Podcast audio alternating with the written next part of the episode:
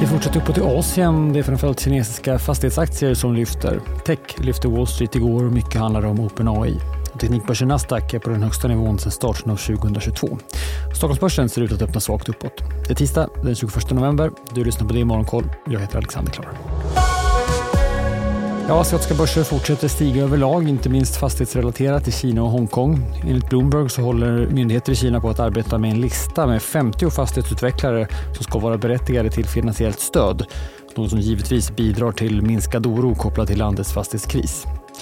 Det är uppåt även i Japan om än knappt, men fortsatt då befinner sig Tokyobörsen på rekordnivåer vi inte sett sedan 1990. Även Wall Street steg igår. Tech ledde uppgången och Nasdaq stängde i nivå med vad index befann sig i inledningen av januari 2022. Microsoft-aktien nådde ett nytt all time high efter turerna med OpenAI. Bolagets sparkade vd Sam Altman har ju joinat techjätten för att fortsätta driva en AI-satsning där. Även ordförande och en annan av grundarna, Greg Brookman, har anslutit. Men det är inte slut där. Nästan samtliga anställda på OpenAI har i ett öppet brev hotat att lämna bolaget och börja på Microsoft eller andra konkurrenter om inte den nuvarande styrelsen lämnar eller ångrar sitt beslut.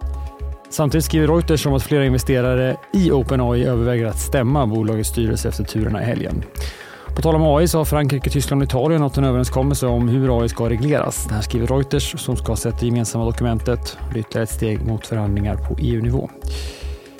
Även Nvidia nådde nytt all time high igår. Bolaget släpper sin rapport senare ikväll. Och då får vi också mötesprotokollet från Feds senaste räntemöte då man lämnade räntan oförändrad. Något som tolkades duvaktigt av marknaden och början på att långa räntor sjönk tillbaks. Det gjorde de även igår i USA efter att man sett stort intresse för en emission av 20-åriga statspapper. Räntorna fortsatte ner och tioåringen står nu under 4,40. Och dollarn den fortsatte att försvagas. Den står i den lägsta nivån mot kronan sedan slutet av juli.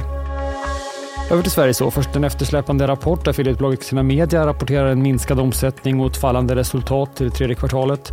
Till viss del beror det på att bolaget en längre tid sysslat med en strategisk översyn och sålt tillgångar främst utanför USA. Men även befintlig verksamhet går trögt. Bolaget spår att man kommer att växa organiskt först under det andra halvåret nästa år. Samtidigt kom besked om ytterligare en försäljning. Det handlar om bolagets italienska sport och kasinotillgångar som säljs för nästan 20 miljoner euro.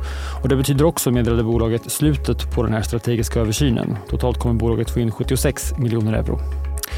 Det krisande klädåtervinningsbolaget Renewcell inleder i sin tur en strategisk översyn där man tittar på alla möjliga alternativ, även en ny kapitalanskaffning. Så sent som i somras tog bolaget in 240 miljoner kronor i en emission då räknar man med att nå ett nollresultat eh, i slutet av 2023.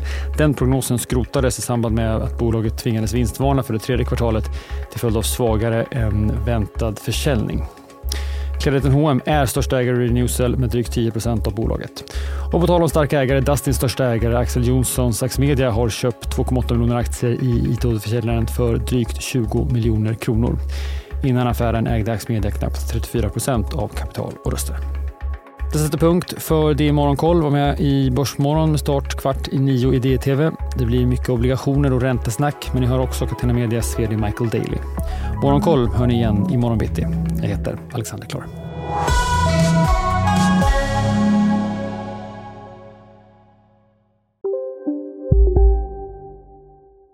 Har du också valt att bli egen? Då är det viktigt att skaffa en bra företagsförsäkring. Hos oss är alla småföretag stora och inga frågor för små. Swedeas företagsförsäkring är anpassad för mindre företag och täcker även sånt som din hemförsäkring inte täcker. Gå in på swedea.se företag och jämför själv. Hej, Ulf Kristersson här. På många sätt är det en mörk tid vi lever i. Men nu tar vi ett stort steg för att göra Sverige till en tryggare och säkrare plats. Sverige är nu medlem i Nato. En för alla, alla för en.